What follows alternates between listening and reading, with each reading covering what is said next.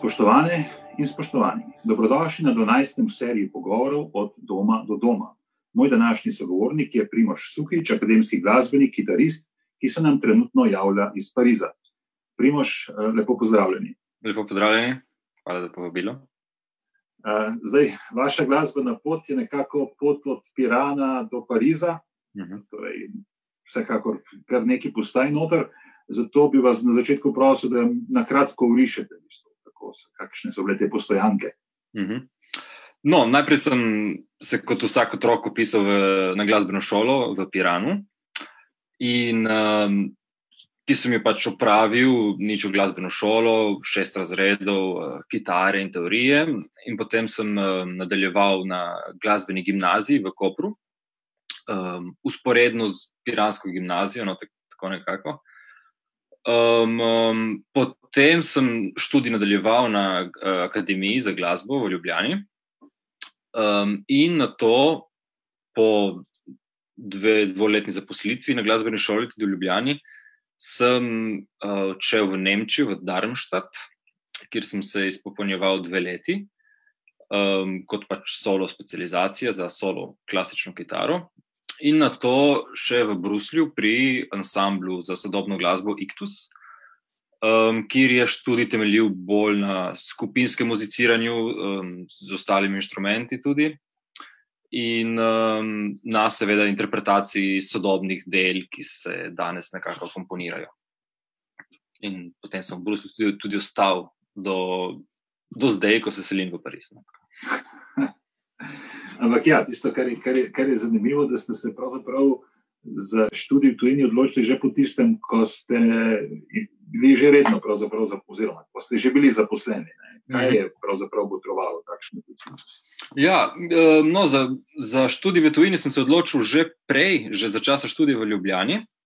Um, sem vedel, da si želim iti ven študirati in tako. Um, ker smo tudi v krogu takrat študentov govorili, kam bi kdo šel, kdo kaj koga zanima, kitaristi, pa tudi drugi, sklad, dosti smo se skladatelji družili, nekateri. Um, in sem potem nekako, splet dogodkov je nekako tako naneslo, da sem se dve leti zaposlil na glasbeni šoli, ker nisem imel še čisto jasnih idej, kam bi šel ven študirati, pa tudi, da si nekako naberem izkušenj pedagoških in eh, nekako neko finančno zaledje, ne, ki bi mi dovoljevalo lažje tudi eh, se pravi, preživetje v, v tujini. In se je potem nekako tako sovpadlo, da sem tiste dve leti nekako izkoristil za, se pravi, za razmislek, za pripravo tudi dodatno, in da si tudi naberem nekaj sredstev, se pravi, za odhod v tujino. Zdaj pa, v bistvu, potem ste pa ostali v tujini, ne? torej ostali ste vsaj za dalj časa v Bruslju. Kako to, da vas pot ni zanesla nazaj v Slovenijo? Ja, um, ne vem, v bistvu ne vem. Te, te, težko podam nek odgovor, specifičen, ne, nek razlog, zakaj nisem prišel nazaj v Slovenijo. Tudi zakaj sploh nisem prišel nazaj. Ne, se pravi, um, ko sem odšel v tujino, se, so se nekako stvari same začele tudi odvijati. Um, spoznal sem veliko kolegov, se pravi, uh, so glasbenikov, um, začel sem si nekako razvijati eh, določeno mrežo, ne, se pravi, ljudi, kot si nekako temu reče. Um, tako da se mi je potem želja po nekem novem znanju, ne, ki takrat mogoče tudi v, v Sloveniji še, še ni bilo dostopno, za, kar se študija tiče, recimo, ne, se pravi, predvsem na področju sodobne glasbe v tako institu, institucionalizirani obliki. Um, nekako, pot, nekako logično se mi je zdelo potem tudi nadaljevati študij v Bruslju, ker se je priložnost nekako na pot tudi sama ponudila. Um, in potem se, sem se nekako znašel v neki situaciji, ko sem si tudi rekel, da tudi če grem zdaj nazaj, se pravi, pod narekovaj domov, ne, um, bom mogel si nekako stvari bolj od začetka zgraditi, kot, kot jih imam že tukaj nekako postavljene. Ne. Um, tako da je potem odločitev bila dokaj logična, uh, da sem stacioniran, kjer sem, recimo v Bruslju, ne, v tem nekako zahodnoevropskem delu, in uh, hodim pač projekte um, delati v Slovenijo, recimo, ne, tudi ker sem imel zmeraj željo, se pravi, zmeraj sem, sem imel željo ohraniti stike z, z slovensko sceno, glasbeno in tudi organizirati tam stvari. tako da tudi kar dejansko redno hodim nazaj in delam projekt tudi tam.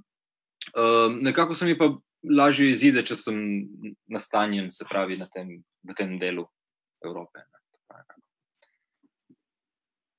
Lažje je potem v bistvu manevrirati. Ne?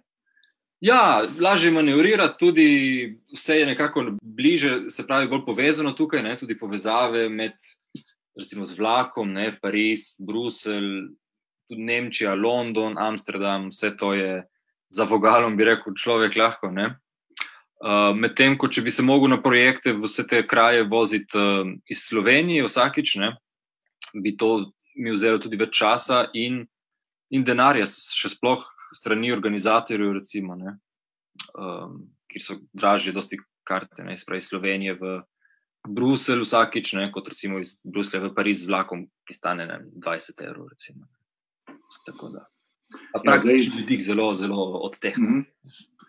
Ja, ampak ta praktični vidik je najverjetneje vezan tudi na v bistvu, pač, rekel, neko, neko skupino ljudi, ker morate na nek način vzgajati tudi no, svojo publiko v bistvu, in povezavo vseh teh stvari. Malo sem gledal tudi. Uh -huh. Igrate vse živo, ne samo tisto, kar bi si klasika človek eh, predstavljal. Čeprav pri kitari, ja, ja ne spada v klasično pomen besede, ki je klasike. Uh -huh, uh -huh. No, reci v bistvu ne, tudi, da, da distru, vsak inštrument nosi za sabo neko zgodovino, ki je vezana mhm. tudi na uh, čisto spet praktičen vidik, mogoče, kako se ta inštrument lahko prenaša v okolje, mobilnost inštrumenta, vloga.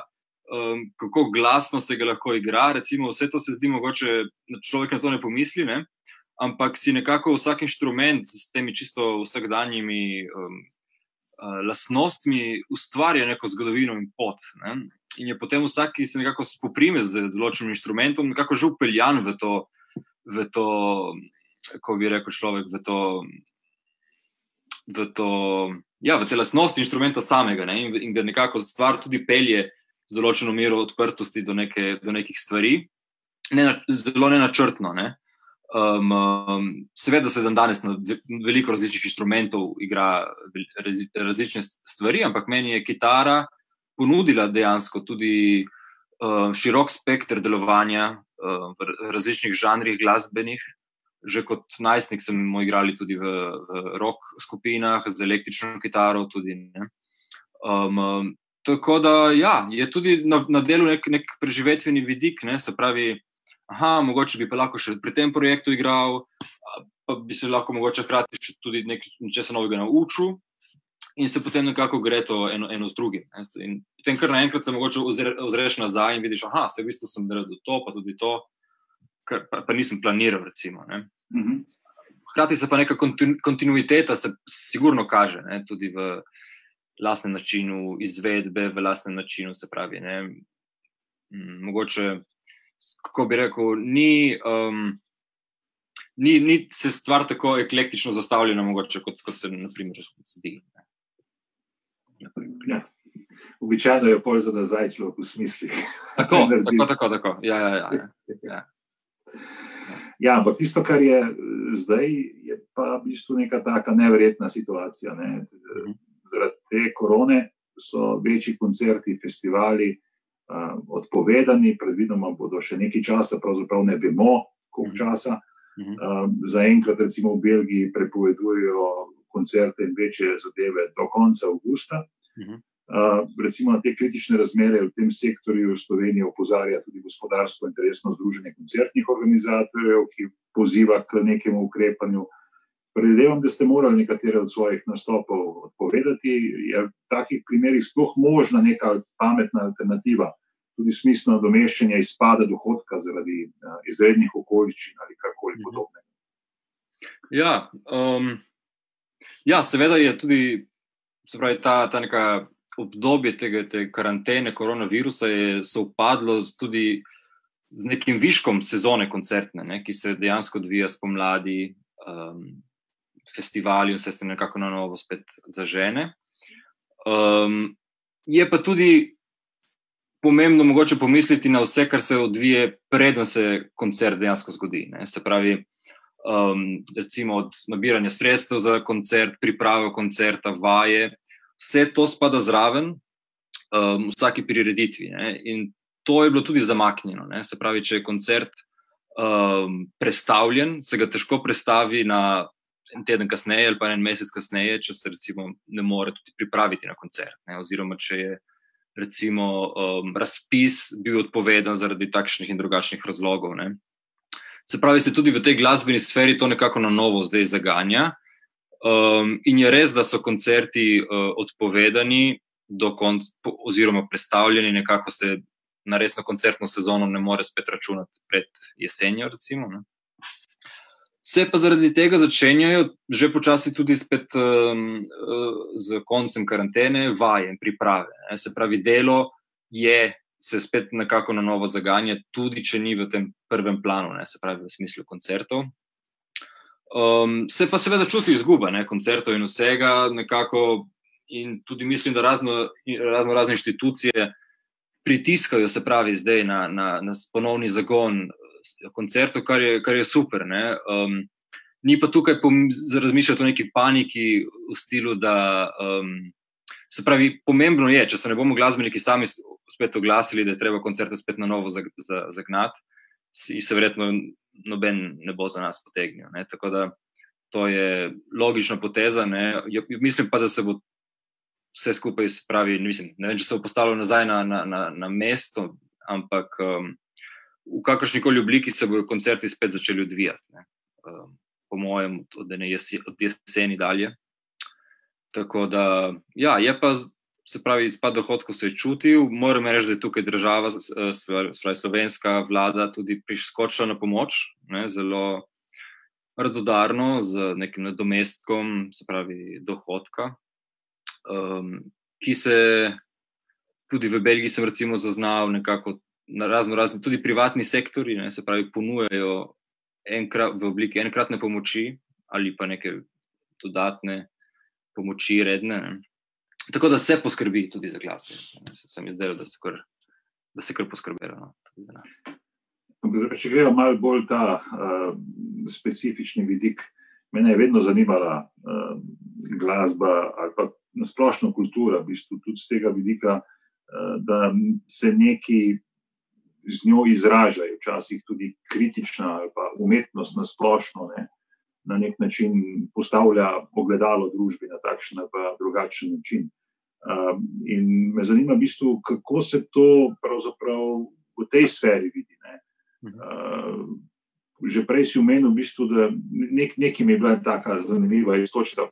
Včasih, če so hoteli filozofijo študirati, so hodili tam, kjer so bili neki pametni profesori in so pri njih študirali. Imamo občutek, da tam, kjer so ja, specifične zvrsti ali pa specifične zadeve razvite, tja se gre pravzaprav na nek način študirati. In je tudi to, vsaj v, v tem žanru, najverjetneje zelo veliko, nisem koncentriran, kon, niso samo koncerti, ampak na drugi strani tudi na nek način poučevanje. Ne.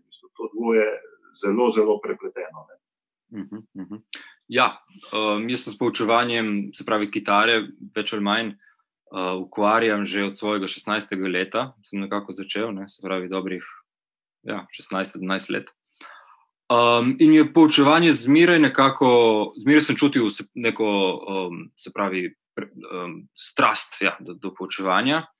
In je nekako, s tem, ko enkrat sem prebral intervju nekoga, se ne spomnim točno koga, ki je rekel, da v bistvu poučevanje niti ne, ne obstaja kot tako, ne, da je v bistvu samo učenje. Ne, učenje tudi, kako ko nekomu skušaš nekaj pokazati, se hkrati tudi sam učiš. Um, in je v bistvu igranje in poučevanje samo nekako dve plati, dve strani istega, istega kovanca, ne nekako to, tako gledam. Um, um, tako da, še sploh se mi zdi zanimivo poučevanje na različnih, um, na različnih nivojih, recimo, ne, kako začetnike učiti, recimo, klasične kitare, um, kar je zelo zahtevna, zahtevna naloga, tudi zdaj, ko vidim moje šolske nekako izkušnje, glasbeno šolske, um, dosti bolje razumem, zakaj mi se mi včasih ni dalo vaditi ali kakorkoli. Ne? In tudi otroke sam ne silim v iste, nekako v iste kanale, ne, ki so meni nekako odpor. Ne, Vzbudili, ampak um, se mi zdi zanimivo počevati tudi na, na univerzitetnem nivoju, um, na razno raznih seminarjih, recimo, in, tako individualno študenti kot skupinsko. V, zdaj se selim v Pariz, ravno in bom z oktobrom najverjetneje začel poučevati na šoli Roka, na ameriški šoli Roka v Parizu. Um, tako da to, tukaj je spet se ne, poučevati določeno, žan, določeno žanre glasbe, ne, ki ga potem ne, ne poustvarjaš. Ne, se pravi, to spet nekako več različnih um, pogledov na, na, na izpopolnjevanje, ne, na učenje. Poučevanje zmeraj dojemam tudi kot lastno učenje in izpopolnjevanje samega sebe. No, Poleg tega se pa tudi vzpostavi nek, nek, neka vez z predanim učencem. Ne, predani uč, v bistvu, če je učenec zagrizen, za, za je učitelj skoraj nepotreben. Ne, ne. um, ker najboljši učitelj si sam, sam zase, ne, ko se nekako znaš poslušati in sam objektivno oceniti. Um, se lahko sam že veliko naučiš, in je tukaj res učitelj, mogoče samo kot neka smernica. Ne. In s takšnimi učenci je zmeraj tudi odlično delati, in, uh, in zmeraj nekako skušamo vzpostaviti neko osebni stik uh, z njimi. No. Ja, da tudi oni meni lahko konec koncev veliko naučijo. No. Ja, ja sej, ta osebni stik zdaj le. Med korono ni bil možen, ampak eh, zdaj pa na nek način pravzaprav bo. Ne? Ja.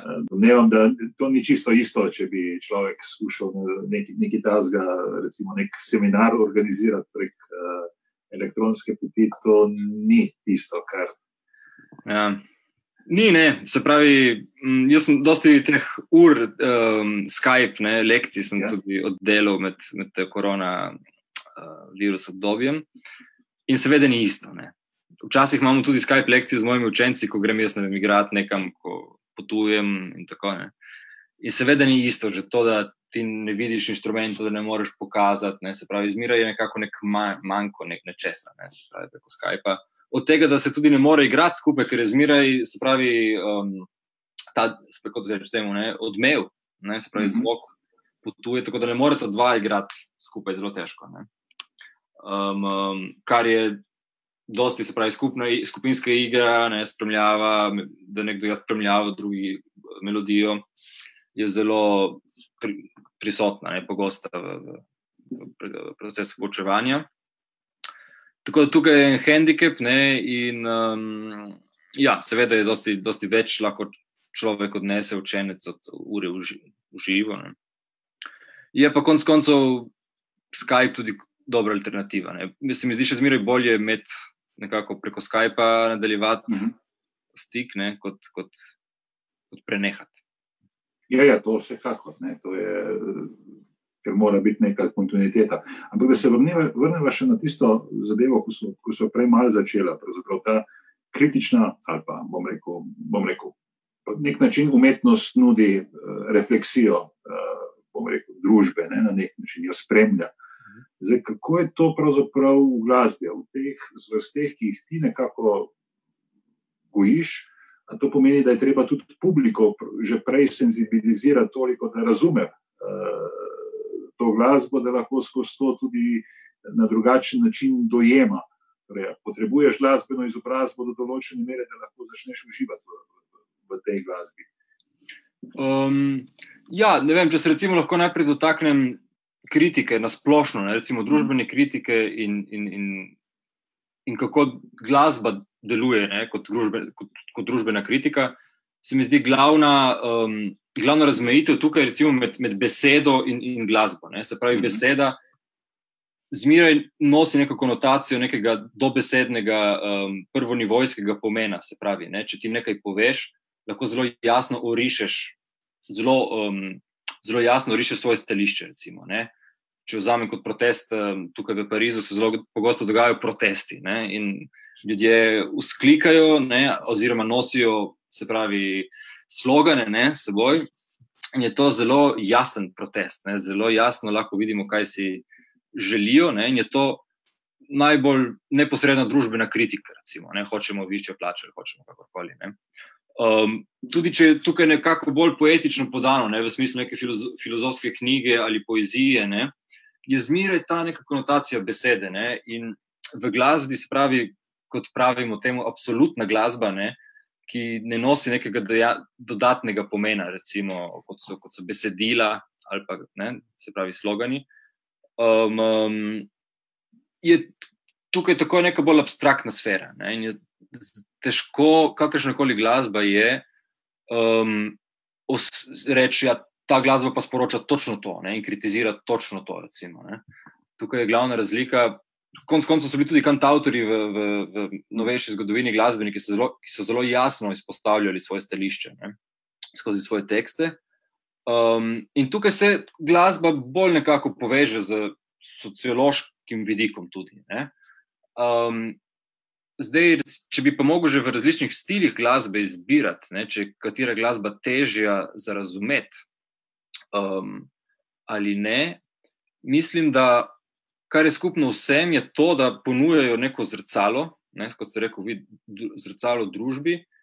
In, um, in je lahko mogoče tukaj dosti večja kritičnost tudi do, do, do samega sebe. Ne. Se pravi, v tem smislu, da umetnost kot taka, ne samo glasba. Ne, se pravi, ki ponuja neko zrcalo družbi, nima tako jasnega sporočila za nekoga drugega, ima pa lahko jasno sporočilo za, za, za nas, ne, se pravi, za, za posameznika, ki jo konzumira in, in, in ki se z njo sooči. In nudi lahko mogoče tudi večji pogled sam, v samega sebe in v osebno rast in duhovno rast. Ne. In, um, in če se začne sam, sam, pri samem sebi, mislim, da um, da se potem nekako tudi proti drugim manj protestira. No, tako, tako bomo rekli. Tako da tukaj se mi zdi, da glasba um, nudi neko, neko, neko osebno rast, ne, se pravi, preden se oziramo na nekoga drugega. Um, um, je pa seveda res, ne, da, da vsak zraste. Pa ne nujno z svojo glasbeno izobrazbo, ampak z določeno izobrazbo in se sooči tudi z neko tako ali drugačno zvrstjo glasbo skozi svoje odraščanje. In zato mogoče dobimo občutek, da eno glasbo lažje razumemo kot, kot drugo, ne, ki nam skozi našo vzgojo ni bila toliko podana. Um, in se mi zdi, da bolj ko se trudimo nečas, ne, ne, ne, neko glasbo ali umetnost na splošno razumeti, bolj nam nekako izgine, ne. se pravi, se izmuzne iz, iz rok. Ne. Tako da velik del tega je mogoče pozabiti na to, ali moramo glasbo razumeti, ali moramo umetnost razumeti. In nekako dovoliti, ne, da nam se pravi ta glasba oziroma umetnost na splošno, da se nas dotakne, mogoče na tudi nekem drugačnem nivoju, ne, eh, ne samo cerebralnem in, in intelektualnem. Ker se mi zdi, da kvalitetno umetniško delo ima to lastnost. Skozi, ne glede na, na, na skozi kakršno koli estetiko, oziroma jezik, oziroma medije podano. In mislim, da ima vsak povprečno izobražen človek dostop do, do, tega, do, tega, uh, pravi, do tega sporočila. Pravi, um, konc koncev je to zelo relativno. Ne? Če gledamo, če gledamo recimo, vem, brazilski pragost, je lahko tam nekdo zelo izobražen v zelo specifični sferi, ne? ker se poprečnemu evropskemu človeku niti ne sanja, recimo, kako bi lahko tam preživel. In uh, tako da je tukaj ta kontekst, umestitev v kontekst, zelo pomembna. Ne? Ampak če ostanemo pri nekem evropskem um, evropski koncertni dvorani poprečnega človeka, ki gre na koncert, tudi sodobne glasbe. Čisto konkretno mislim, da, ja, kot sem povedal, da, da se treba nekako mogoče malo pozabiti na to, če, če lahko to razumemo ali pa ne, in se dejansko prepustiti, in potem lahko se nas mogoče dosti bolj dotakne muzika tudi na globljem nivoju. Ja, zdaj smo prišli praktično že skoraj do konca. V bistvu je slišati kakšne sporočila, ki so tudi bolj pozitivna, še vedno v tem času, ko smo nekje na izhodu, pa še točno ne vemo, kako bo. Uh, vsekakor je pa dejstvo, da je ta koronavirus znatno ohromenil na splošno kulturni sektor, v najširšem smislu, uh, tudi tako imenovano industrijo srečanj, ki naj bi v Sloveniji, recimo, neposredno ali pa posredno zaposlovala približno 35 tisoč ljudi. Za mene je to uh, kar uh, velika številka, tudi v primerjavi z drugimi industrijami. Ja. Zdaj, seveda, v Evropskem parlamentu in odboru za kulturo, ter tudi posamezni poslanci, se zauzemamo za neke podporne ukrepe na ravni tega sektorja. in zagotavljanje sredstev ljudem, ki ta kulturni sektor dejansko posebljajo. Uh, tudi zaradi tega, ker je prav v teh najtežjih situacijah mogoče skozi to dobiti neko spodbudo, mm -hmm. zato da gremo naprej, tako na splošno prebivalstvo, kot pravzaprav tisti, ki so s tem najbolj uh, soočeni, uh, oziroma najmanj zdravstveni delovci, torej, oziroma vsi tisti, ki so na prvi uh, bojni liniji. Uh, tako da, ja, mi je všeč, da so tle tudi primeri, ko to, recimo, da ne bo tako strašno vplivalo, bo zmanjšalo število poslušalcev, to je sto procentno, ampak uh, ta zadeva se bo peljala uh, naprej. Uh, zdaj, na koncu te epizode pa bomo tokrat naredila malo spremembo, pa bomo imela tudi en glasbeni vložek, pa bi te prosil, da. Bi vas prosil, da ga pravzaprav malo razložite. Ja. Um, no, uh, poslušali bomo glas, uh, skladbo Uroša Rojka, ki je slovenski skladatelj, zelo uveljavljen in s katerim imamo tudi zelo dober osebni odnos in sodelujeva že kar nekaj časa, že od mojih študentskih let, ko je bil on tudi en izmed mojih neposrednih mentorjev, bi rekli, lahko v, na Akademiji za glasbo. Um, um, in skladba nosi naslov Čiton, uh, ki je nekako. Um, Spravi, glasba je povezana tudi z grafiko um, Franciska Goje, se pravi, grafika, španska grafika iz 18. stoletja.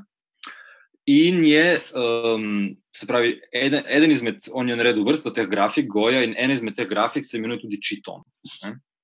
Um, ki se, se pravi, te grafike imajo zelo nekako groteskno sporočilo, estetiko. Ne, na, um, na tej grafiki se pravi, eno osebo, drugi kaže, da naj se nekako, ne, naj, naj nekako tiho. Ne, in, in iz tega je Uroš tudi spravi, črpal osnovno idejo te skladbe in um, povzel nekako, spravi, uporabil zelo različno tehniko igranja. Ne, um, ki pri, se pravi, pri kitari normalno, če recimo to strunanje, tukaj zvočnica. Ne, Zmeraj se pravi, če primemo tukaj struno, se bo oglasil ta del strune. Ne? On je pa nekako uporabil tehniko, kjer se oglasi ta del strune. Ne? Se pravi, in se pri tem nekako vzbudi ena drugačna tonska višina, ki je pa zelo tudi tišjega značaja. Um, in uh, poleg te tehnike je uporabil še različno vrsto tehnik, um, kot rečemo, temu razširjene tehnike igranja, ki niso nekako značilne za, za konvencionalno, spravi, gitarsko, gitarsko tehniko. Um, vse to je povzel v eni zelo super skladbi, 4 minute in nekaj sekund, uh, ki je zelo atraktivna in po mojem mnenju tudi zelo dostopna tudi neizobraženemu, neizobraženemu glasbeno neizobraženemu poslušalcu. Ja, ja, vsekakor uh, se veselimo tega poslušanja, spoštovane in spoštovani, vas pa vabim, da se mi pridružite zopet naslednji teden, torej v sredo, ko bom se pogovarjal z Aljažem Vrhovnikom, koordinatorjem mladinske inicijative za tretjo razvojno os, družbeno-političnem aktivistu in seveda generalnemu sekretarju Zveze Združenih borcev za vrednote narodno-sodelnega boja.